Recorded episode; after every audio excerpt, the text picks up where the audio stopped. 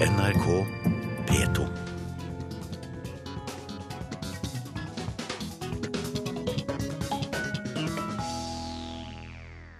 Og med oss i studio i dag, Nina Kristiansen, redaktør i forskning.no, Aksel Helstenius, manusforfatter, og Håkon Gundersen, kulturredaktør i Morgenbladet. God Det er ikke dag. riktig, Kolsrud Aasen. Er Journalist i Morgenbladet. Jeg var en var- gang kulturredaktør i Morgenbladet. Ja, men da skal vi stryke det. Stryke Det er. Bort med kulturredaktør, og inn med journalist, og så er vi i gang. Håkon Gundersen, eh, journalist i Morgenbladet. Ja, god dag. Fint. Um, alt vel? Ja, kan jo si det sånn på slutten av uka. Ja, det er ikke verst. Litt ør alt dette budsjettpratet allerede. Ja, vi har det, vi Vi har det det. fint. Ja, nei, det gjør vi nok ikke. Og det vet du, Håkon Gundersen, journalist i Morgenbladet. Vi begynner med første spørsmål, som dreier seg om budsjettet. Nemlig eh, i dag, eh, som den ivrige lytter har fått med seg, eh, ble statsbudsjettet lagt frem. Dermed også budsjettet til Kulturdepartementet. Solberg-regjeringen økte budsjettet med 609 millioner kroner fra budsjettet i fjor, men det er 231 millioner kroner mindre enn det de rød-grønne ville. Spørsmålet er, ser vi konturene av trangere tider for eh, norsk kulturliv her? Ja. Ja. Ja, konturet er en øks. Det var, eh, det- eh, hvis man drar folk inn fra sånn forsk kultur og forskning, så får, får man kanskje det svaret. Ja. Men det er altså Men om det er galt eller ikke, har vi ikke sagt noe om. Ok. Men det kan du få si nå. Vær så god. Uff, ja, nå var jeg forbanna meg på å ikke forberede meg noe som helst til dette her. For jeg blir så matt altså, av alle disse som i løpet av sekunder kan alt om statsbudsjettforslag. Ja. Og har sjøl vært journalist og stått på en sånn Før det digitale så sto man inne i regjeringskvartalet og venta på å få lov til å gå gjennom en sånn gul eh, tråd som var strukket over, og frem til bunka med statsbudsjett for å hente den. Og så løpe tilbake og skrive et eller annet, eller snakke om et eller annet. Eh, og dette har jeg fått helt angst for. Og nå merker jeg at eh, sånne, sånn som Kulturnytt her har altså brukt eh, masse timer på å snakke om dette her. Og jeg skjønner ikke at folk kan ha fått forstått noen ting enda. Så som ukeavismann så må jeg vente med å si noe Men til det har gått en som, uke. men som journalist så valgte du å uttale deg skråsikkert ja. Like fullt. At det er konturene vi ser ja, av noe kutt, og det, det vil bli mer. For at dette her er et område som det er såpass mange pussige poster som det for Frp vil være opportunt å kutte i Ja. i tiden som kommer. Aksel Helsenus, hvorfor er du enig med Håkon Gundersen her? Når jeg begynner å bli såpass gammel som jeg er, så har vi jo vært gjennom dette her før. Det har vært andre blå regjeringer, i hvert fall ja, mot på, det, på øresiden. Og da har man jo tatt og kuttet og barbert og høvla ned på, på kulturbudsjettet. Jeg har jo til og med vært her og i TV med kulturministre og snakket om kutt i filmstøtte og sånt noe. Så dette er jo en sånn slags mote, tenker jeg. Altså man må. Er man blå-blå, så må man kutte i kulturbudsjettet. Man har ikke noe valg. Så er jo da spørsmålet hvor stort er dette kuttet? Kommer det til å fortsette i Men det er jo strengt tatt ikke et kutt, da. Det er jo en økning på 609 millioner. Nettopp. Er det, det er helt riktig. Og det er igjen her, ikke sant, vi å Du, du har nå gått, på, eh, gått med på retorikken til opposisjonen, du. Ja, ja, og det skal jeg eh, ikke gjøre. Skal Jeg trekker det tilbake igjen. Men så det mest interessante er jo hva er dette et signal om at det kommer til å fortsette? Og det er jo det jeg svarer ja på. At konturene av et fortsatt kutt, eller fortsatt mindre økning og mindre fokus på, på eh, statlige overføringer til kulturlivet, det ville ikke overraske meg, for å si det sånn. Nina Kristiansen. Ja, Jeg jobber jo i nettavis, og vi tar jo lynraske beslutninger om hva vi mener, i motsetning til de mer sånn sendrektige ukeavisene. Du vet, Morgenbladet skal ikke ut med dette stoffet før neste uke. Nei, nei, nei. Og vi, vi har ikke den luksusen av tid. Nei, det, altså, det er jo helt klart noen områder som eh, svekkes. Og sånn sett så er det jo sånn at eh, kulturbudsjettet, eller kultursektoren, svekkes også. Det er jo film og pressestøtten. Og NRK, da, som vi sitter i. Eh, og det er klart at eh, hva er det som tas? Eh, det kan fort bli tatt noe veldig bra kulturarbeid som blir borte. Eh, Når det gjelder pressestøtten, så vi i forskning.no får vi ikke pressestøtte. Jeg er jo litt bitter. Nettaviser får jo ikke. Og der er det faktisk en bedring, da. I og med at det, i hvert fall den indirekte pressestøtten i form av momsen skal også liksom omfatte oss. Kanskje. Kanskje, da, hvis det går gjennom i Brussel og sånne ting. Men uh, mine damer og herrer, dette her er vel ikke noe annet i år enn det er alle andre år, at man gjør noen prioriteringer og velger noe fremfor noe annet. Eh, og så har altså eh, denne regjeringen valgt denne innretningen. Det er interessant at akkurat denne regjeringa ble distriktenes eh, ivrigste talsmenn. Alt handler om at eh, ting skal desentraliseres. uten at de riktig skjønner hvordan det skal skje. Det er, Men, det er, eh, ifølge Fremskrittspartiet som sitter i regjering, så er det der det kreative skjer. Ja. Det hadde jo vært en sensasjon om eh, NRK hadde fått doblet budsjettet sitt, i hvert fall. Ja. ja. si. Men en velkommen sensasjon, vil jeg påstå.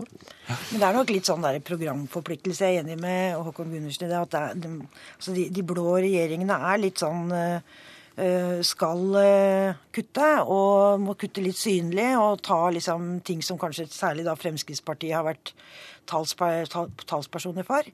Eh, Så det kan jo hende at det er litt sånn visning av muskler også. At de må også vise at ja, vi, vi, vi gjør det vi har lovt. Og så kommer de der millionene snikende tilbake igjen. Vi får se hva som skjer når de har eh, latt dette gå Men det gjennom som er en eh, underlig ting, er dette gaveforsterkningsordningen. Der er en spent på å sette meg inn i det. For at der handler det da om at de som er rike nok, skal få bestemme på en måte hva museer og offentlige gallerier skal kjøpe inn av kunst. Ja, kanskje det blir sånn. Og så skal det offentlige komme løpende etter med 25 ja, av det. Igjen, igjen, kanskje det blir sånn. Vi vet ikke det. Og, og vi, vi, blir, vi er spent på hvordan du kommer til å svare på det når, du, det når du har satt deg inn i sakene, Håkon Gundersen.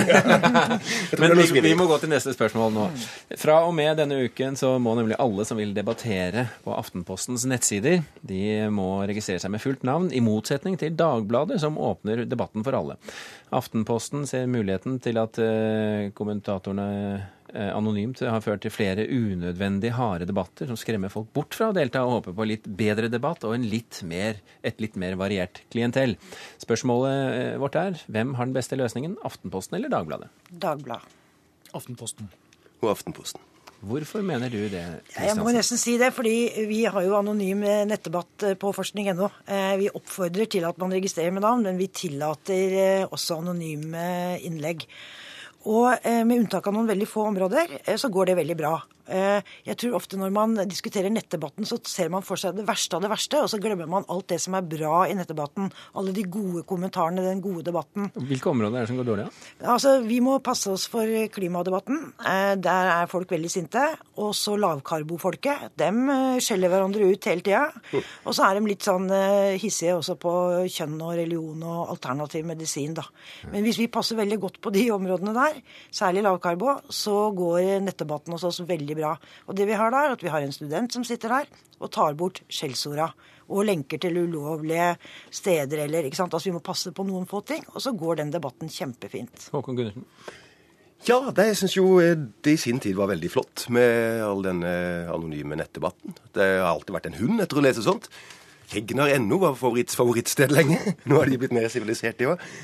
Men jeg synes det er synd at uh, Nei, nå synker stolen. Er det en sånn felle du har laga for Det er ikke måte på hva du skal utsettes for i dag. Jo, men det kan stå. Eh, jo, men eh, altså at disse Nå får du hjelp av ellers seriøse mediene som Aftenposten og Dagbladet, at de skal være belemra med å ha dette her eh, hatpratet, det er en uting for oss som lesere. Så jeg syns forslaget fra forfatteren Torgrim Eggen var det vel, som foreslo at man burde opprette, og kanskje statlig sponse, et hat.no. Det er eget nettsted, så tar man, ivaretar man trykkokerhensynet også. Og der så har folk du- får lufta seg. Eh, Og der har du til og med fått en ny ergonometrisk riktig, ergonomisk riktig eh, Det er fantastisk. En sal. Eh, Helsenius, hvorfor mener du at eh, det bør være et, en viss eh, eh, kontroll med debattantene? Nei, altså Jeg går ut fra det lille ordet som du skriver her. Spørsmålet er hvem har den beste løsningen, og beste for hvem? Og den beste for meg er jo egentlig, eller kanskje beste for de som skal gjøre research om 10, 15, 20, 35, 40, 50 år. Beste løsningen for dem er at det er med fullt navn. Og grunnen til at jeg sier det, er at jeg sitter nå og gjør research på et prosjekt, et filmprosjekt som handler om tyskjentene. Og de som da leser, og jeg gjør det, jeg leser en god del aviser nå fra 45, fra liksom, mai, juni, juli 45, hvor det er veldig mange som skriver om disse tyskjentene, og de må rives klærne av, og de må brennemerkes, og de må klippes. Og de underskriver da med indignert og rasende og gode nordmenn, og vi som oppførte oss ordentlig, og sånt. Og det er en, det er en variant av disse her indignerte, rasende og gode. Jeg skulle gjerne visst hvem disse var.